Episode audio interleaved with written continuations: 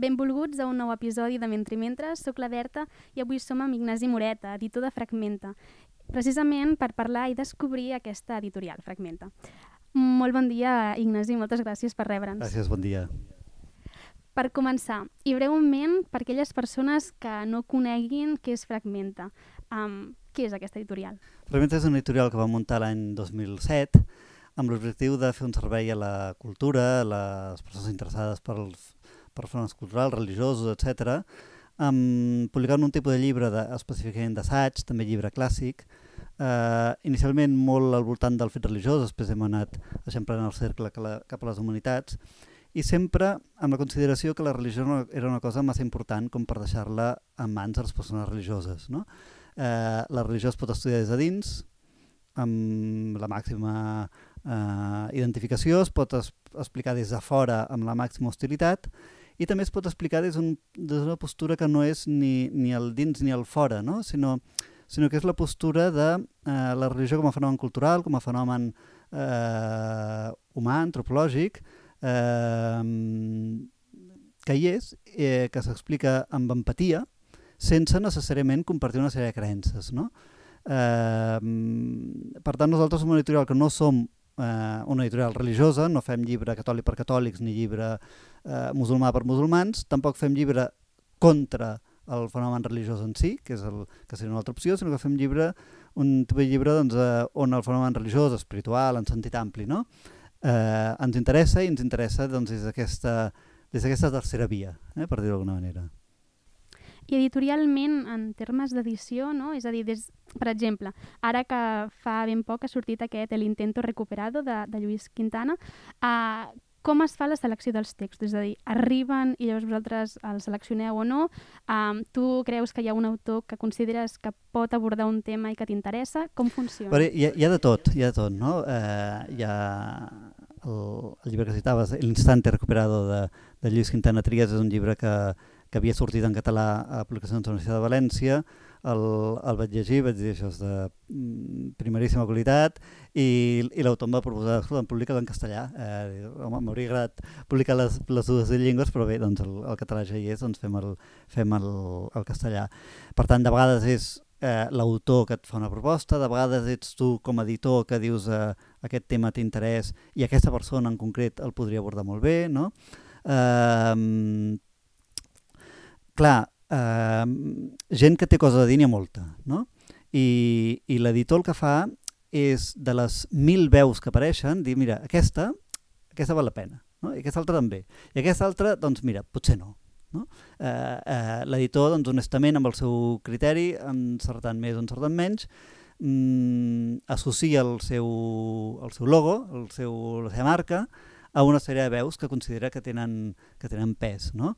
En la mesura que el lector eh, cregui que les veus que li ha ofert aquell editor mm, no l'han decebut mai, doncs aleshores es fiarà, es fiarà d'aquell editor. En la mesura que un editor doncs, t'ha t'ha venut coses doncs, més, més discutibles, doncs dius, eh, aquí, aquí m'ho penso dues vegades. No? I per tant el meu, el meu objectiu és que la gent percebi que Fragmenta s'associa sempre a veus de, de, de, primera, de primera fila, no? a veus que, eh, veus que tenen alguna cosa a dir. No? Eh, insisteixo, hi ha molta gent que diu moltes coses, no?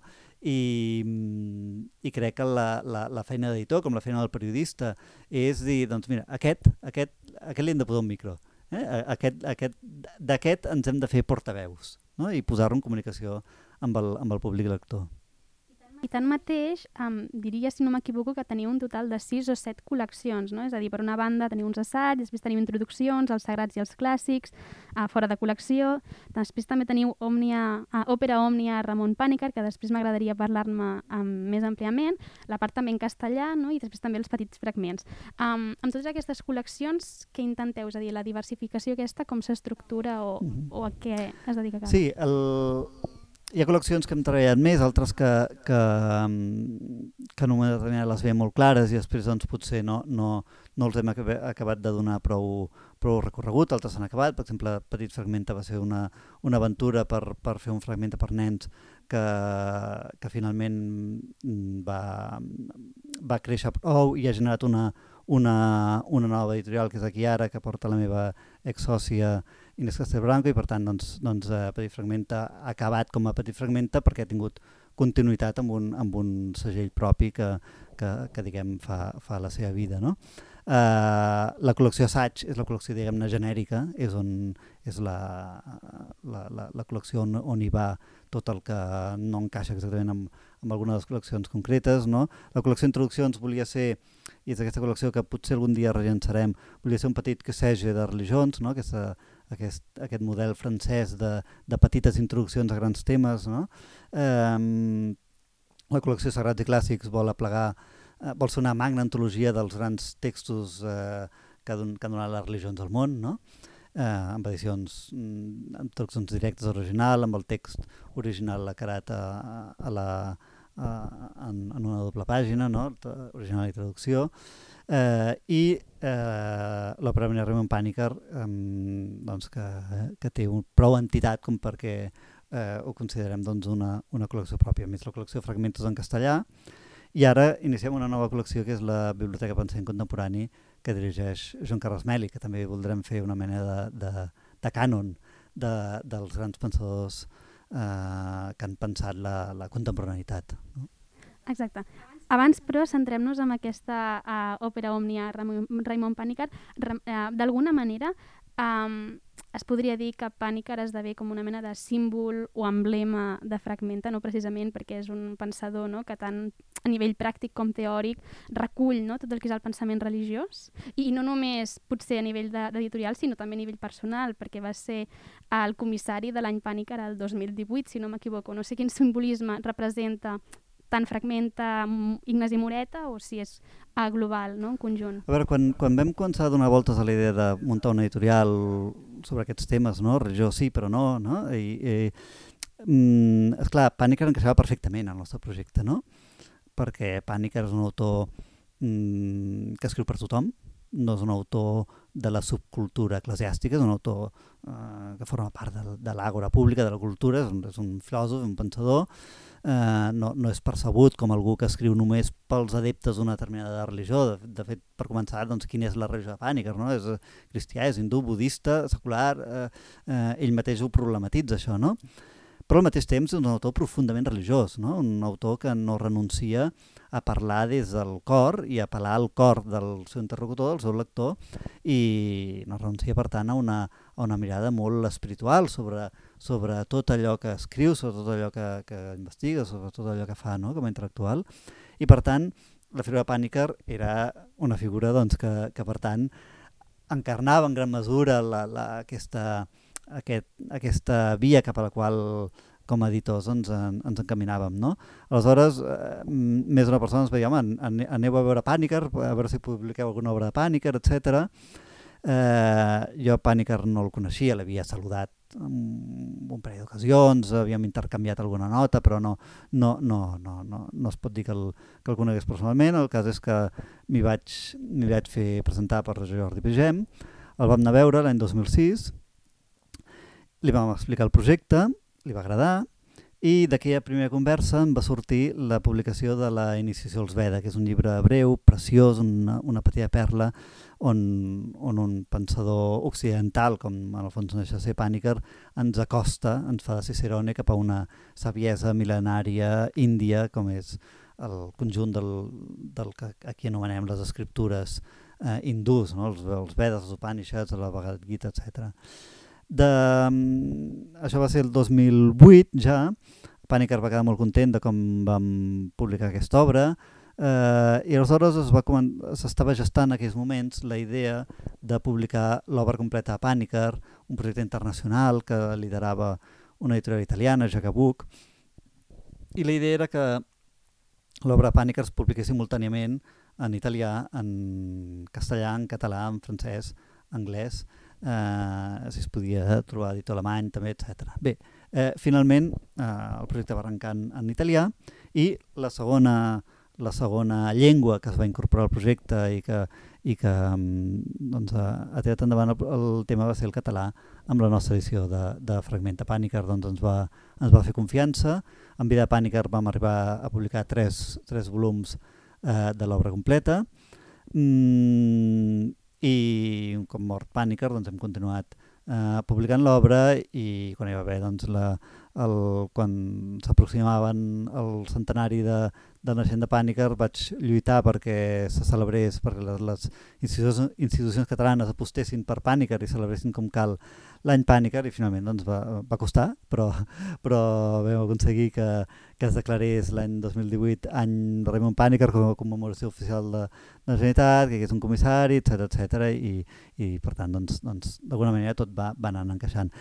Cal dir que el nom de Fragmenta és inspiració panicariana, eh? és a dir, Mm, on, un dels textos més bonics de Pàniker es titula Coligite fragmenta, no? que, és, que és una imatge que ve de l'Evangeli, la recull dels fragments quan hi ha la multiplicació dels pans, eh, i, i Jesús diu, doncs, ara que, que tothom ha quedat assedegat, recollim els fragments, que no es perdi res. No? És a dir, eh, podem entendre les religions com una qüestió de monopoli, jo tinc, jo tinc el monopoli del text, no? o puc pensar que, que no, que no hi ha un text que monopolitzi l'acció del sagrat, sinó que el que tenim són fragments, no? són, són fragments, són diferents aproximacions al sagrat i, i qui sóc jo per dir que aquesta és millor que l'altra. No?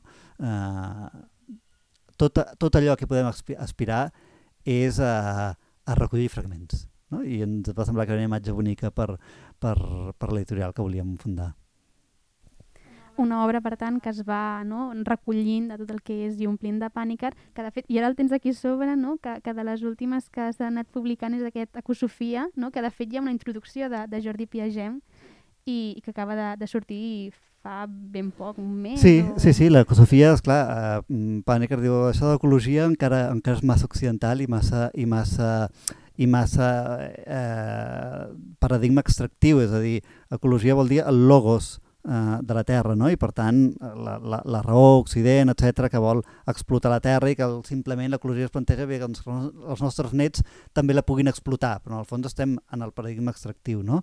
El que hem de pensar no és el logos de la Terra, sinó la saviesa de la Terra, no? ecosofia, no? la, la, la, la, la, la saviesa, i no la saviesa en el sentit de què sap l'home de la Terra, sinó què sap la Terra de mi. No? És a dir, la, la Terra també és subjecte de coneixement, no només objecte. No? I això és el que en aquest volum Ecosofia Pànica explica molt bé. No? I, I en aquest sentit és una reflexió sobre l'ecologia que comença doncs, discutint el terme ecologia i proposant un altre i, i que doncs, recull molt bé les intuïcions de Pànica sobre, sobre aquest tema. I tanmateix, no, clarament, Pàniker és una figura fonamental dins de Fragmenta, però també hi ha altres persones no, que, que també han tingut eh, un paper molt destacat, com per exemple Lluís Duc, no? que, que tant hi ha obres seves, de fet crec que hi ha uh, una amb, amb tu, no? que són les conversacions amb Lluís Duc, però tant ell com a, a obra no? sobre ell, com ell tanmateix escrivint, també és una, obra una persona fonamental dins de l'editorial. Sí, sí, Lluís Duc és un pensador de primer ordre, eh, que més eh, vaig fer aquestes converses amb, amb ell perquè Lluís Duc, a part de, de la seva obra escrita, era un gran conversador, era un gran conversador, mmm, i fins i tot diria que en la intimitat molt divertit. I, i Lluís Duc, per mi, és un autor molt, molt, molt important, primer perquè també està en aquesta idea de un autor que no renuncia a, a la seva espiritualitat, eh, era un monjo Montserrat, eh, però que no escriu Mm, per, pel món de la seva pròpia confessió religiosa, escriu per tothom, no?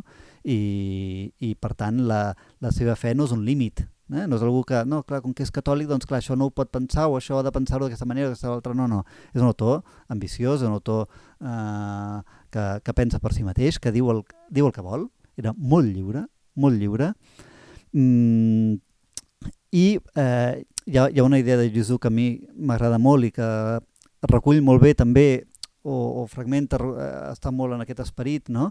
Eh, Lluís diu, diu mm, les religions no estan en crisi, eh? perquè ens, ens continuem fent les preguntes de sempre, no? què som, d'on venim, on anem, no? La, eh, i això no està en crisi, ens fem les mateixes preguntes que els nostres avis, eh? i per tant som igual de religiosos que els nostres pares i que els nostres avis. El que han en crisi en tot cas són les respostes institucionals a les preguntes religioses, no? Eh, les esglésies estan en crisi, la, les preguntes religioses no. Per tant, som davant d'una crisi de respostes, però no davant d'una crisi de preguntes. No? Eh, jo això trobo que està molt ben vist. No?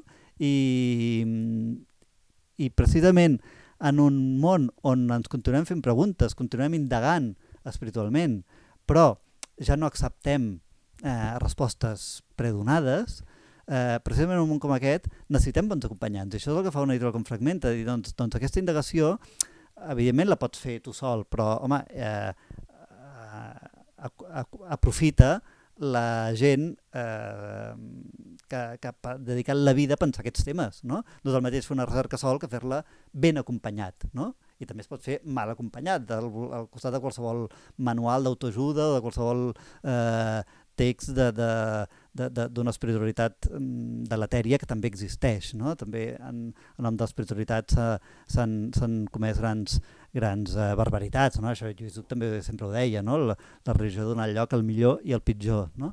De manera que, sí, Pànica, Duc, eh, són autors que responen, eh, responen a una manera de concebre el fet religiós doncs, que, que, que té un sentit no? i per tant que, que Fragmenta que hem apostat per aquests autors doncs, és per començar perquè, perquè eh, ens hem sentit eh, influïts per aquests autors no? i per tant bueno, hi, ha, hi, ha, hi ha una comunitat d'idees que, que et porta doncs, a, a, a unes apostes que al final resulten molt, molt naturals i molt espontànies.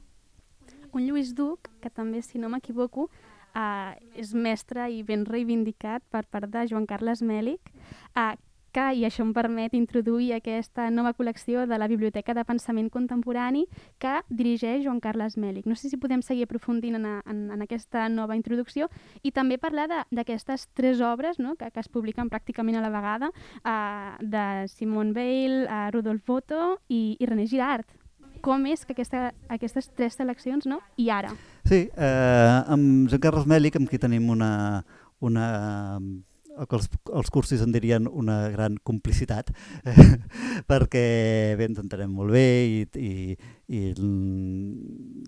tenim doncs, eh, històries eh, eh, diferents, bueno, diferents i, i no tan diferents, no? però evidentment som, som de generacions diferents i, i, i hem tingut itineraris diferents, però, però d'alguna manera també tenim molts, molts punts en comú i, i va sorgir la idea, parlant-ne, doncs, de, de poder fer una col·lecció que servís com a porta d'entrada a grans autors. No? Eh, una col·lecció on hi haguessin obres no excessivament llargues, tampoc allò buscar les 80 pàgi eh, pàgines, eh? té 80 pàgines, en té 80, si en té 300, en té 300, però, però no voldríem publicar-ne una de 1.000 eh? o una de 500. Eh? Eh, llibres més o menys acotats, que per qui no coneix una obra d'un autor però el vulgui conèixer, doncs siguin una, una manera d'entrar-hi, no? una manera amable i suau d'entrar-hi. No? Simon Bale, per on comencem? Eh? Hi ha, hi ha eh, molts llibres de Simon Bale. Bé, doncs, quin és el text de Simon Bale que, que, amb, el, amb el qual Simon Bale es va donar a conèixer, no? ja morta? Eh? perquè va ser una, una selecció pòstuma. No? Simon Bale en vida no va publicar cap llibre, no? però quin és el, el llibre que la va donar a conèixer i que, i que la gent va quedar molt parada perquè la Simone Bale que havien llegit en, en, en, en diaris d'esquerres doncs, doncs eh, era una mica diferent d'aquesta. Doncs la Simone Bale de la, la, la, la, la pesanteur i la gràcia, no? la, la, la gravetat i la gràcia.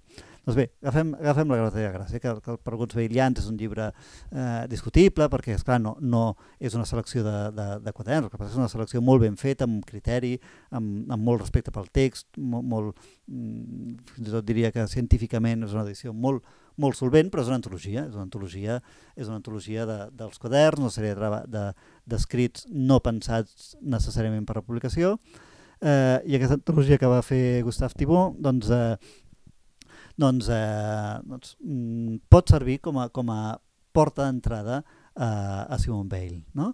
Eh, el cas de Rolf Otto, no? eh, El Sagrat. El Sagrat és un llibre que, que a mi em va fer llegir a la seva Bomba Fabra el professor Amador Vega, quan, que va ser professor meu, va ser el meu director de tesi, i vam dedicar un curs sencer a llegir Das, Heil, das Heilige, el sagrat de Rudolf Otto, que és un autor doncs, això que, que explica molt bé eh, l'acostament al misteri. Mm, Rudolf Otto parla de, del sagrat com Mysterium Tremens, Mysterium Fascinans, no? allò que d'alguna manera ens atrau però ens repel, no? aquesta ambigüitat que té, que té la, la dimensió sagrada. No? Eh, i, I per tant Rudolf Otto és un, és un clàssic de, de primer ordre. No?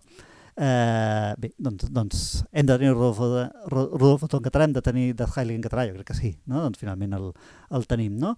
I René Girard, René Girard no s'havia publicat mai en català, eh, el lector català hi ha pogut accedir per, per edicions, eh, sobretot a anagrama, i per tant doncs, doncs és un autor que no és desconegut en absolut eh, per l'autor català, però l'autor català no l'ha pogut llegir en la seva llengua i hi ha Víctor Pérez, que ha sigut l'ànima de, de l'edició, juntament amb la, amb la traductora Maica Laoz, li vam preguntar a veure quin, quin llibre de René Girard eh, suggeriries tu com el llibre per entrar en el món de, de René Girard. Després ja en farem altres si convé o si ens animem, no? però, però per quin comencem? I, home, i ens va dir aquest, no? veig a tant caure com el llamp, mm, resumeix molt bé eh? tot, tot Girard a, eh, a partir de, del, de, de l'escriptura del mateix Girard. No? Doncs, doncs, doncs comencem per aquí. I la idea és anar doncs, continuant eh, trobant obres doncs, de, de, de grans pensadors del segle XX cap aquí, eh, que, que això, que a través d'una obra puguis captar una mica tot el llenguatge que hi ha autor. I en ment futures hi ha obres seleccionades? Sí, sí, el que passa que bueno, estem pactant, negociant, eh, a, a, a, a, a, avui mateix doncs, he estat intercanviant correus amb, amb una gent literària eh, d'un autor que ja és mort i, i que, que volem publicar i aquestes coses doncs, fins, fins que no ho tens firmat no ho pots, no ho pots eh, fer públic, però sí, sí, eh, la, la col·lecció tindrà, eh, volem que tingui llarga vida i que, i que tingui eh, moviment i tant. I sempre en català, tota aquesta línia? Aquesta col·lecció és en català, eh, això no, no és obstacle perquè si algun títol eh, no existeix en castellà, doncs potser comprem els drets de les, de les dues llengües i el publiquem també en castellà, ja, ja veurem que el llibre és un món, eh? però, però aquesta col·lecció mm, vol omplir un buit en el pensament català. Eh, eh, clar, en l'àmbit del, del pensament, de la filosofia en català, s'han fet grans iniciatives, eh, però encara hi ha feina a fer. No? També les iniciatives, algunes de les quals és una llàstima que, que no, no tenen la visibilitat i la continuïtat que haurien de tenir, no? el, el gran, el gran, la gran ferida per mi és eh, una col·lecció com, te, com textos filosòfics que tota la primera etapa a, a, a l'editorial Laia doncs, eh, allò ha desaparegut del mercat, no s'ha reeditat eh, i és un projecte que, era, que tenia una unitat, tenia un sentit, tenia un director al darrere que era Pere Lluís Font que garantia la homogeneïtat del, de la terminologia, de crear un llenguatge filosòfic en català, etc etc. I, i aquesta feina preciosa, eh, doncs d'alguna manera no, no, no, no hem aconseguit donar-li donar-li com a cultura doncs, la, la, la, continuïtat i la projecció que hauria de tenir, no? o altres col·leccions de, de pensament a, a Edició 62 mateix o, o, en altres, eh, o en altres editorials. No? Eh, per tant, eh, hi ha una base sòlida no? pel que fa la, al pensament en llengua catalana, però encara hi ha moltes llacunes i, i molta feina que no hem desenvolupat a fons com caldria i doncs bé, doncs intentarem posar el nostre granet de sorra perquè Mm, es pugui pensar en català, eh, que el pensador català trobi els grans pensadors en la seva llengua, que contribuïm a crear llenguatge filosòfic en català. Eh, intentarem doncs, que el català és una llengua eh, apta per, el, per algun grau de la cultura, de la ciència, de la filosofia, del pensament, de qualsevol eh, disciplina humanística i, i per tant els grans clàssics els hem de trobar també en, en la nostra llengua evidentment, i tant de bo, i quina sort tenir les iniciatives que realment ens acosten doncs, aquest pensament en, en català. Però tanmateix a Fragmenta, no? i abans ho comentàvem, també té una secció en castellà. Um, és a dir, quin és el criteri que se segueix uh, totes les obres que es publiquen, a excepció d'aquestes que comentàvem, no? Um, totes les uh, obres que es publiquen després també es tradueixen en castellà o no -hmm. totes? Com funciona? És un món. Uh, llibre és un món, llavors uh, hi, ha, hi ha llibre que té sentit publicar-lo en català i potser no té sentit publicar-lo en castellà, pels motius que sigui, no? No tot s'ha de duplicar. Hi ha llibres mm, que té sentit fer-los en, en castellà i no té sentit duplicar-los en català. Per exemple, jo no sóc partidari de traduir del castellà al català així com a, com a, com a norma general. He, he publicat molt, eh? He publicat molt llibres eh, escrits en castellà i traduïts al català. Um, el que passa que sempre hi ha un, hi ha un motiu, no? hi ha un marc, eh? per exemple, doncs, l'obra completa de Pànica. Doncs, home, si fem una obra completa de completa, tot Pànic en, en català, doncs evidentment si hi ha llibres que Pànic es en castellà, doncs per, per raons de, de coherència del marc, allò està traduït del castellà al català. No? Després hi ha autors que han, han escrit en totes dues llengües no? i que per tant el lector està avasat a llegir-lo en una llengua o en una altra. No? Parlàvem doncs, del mateix Mèlic, el mateix Lluís Duc, són autors que han publicat indistintament en català i en castellà. No?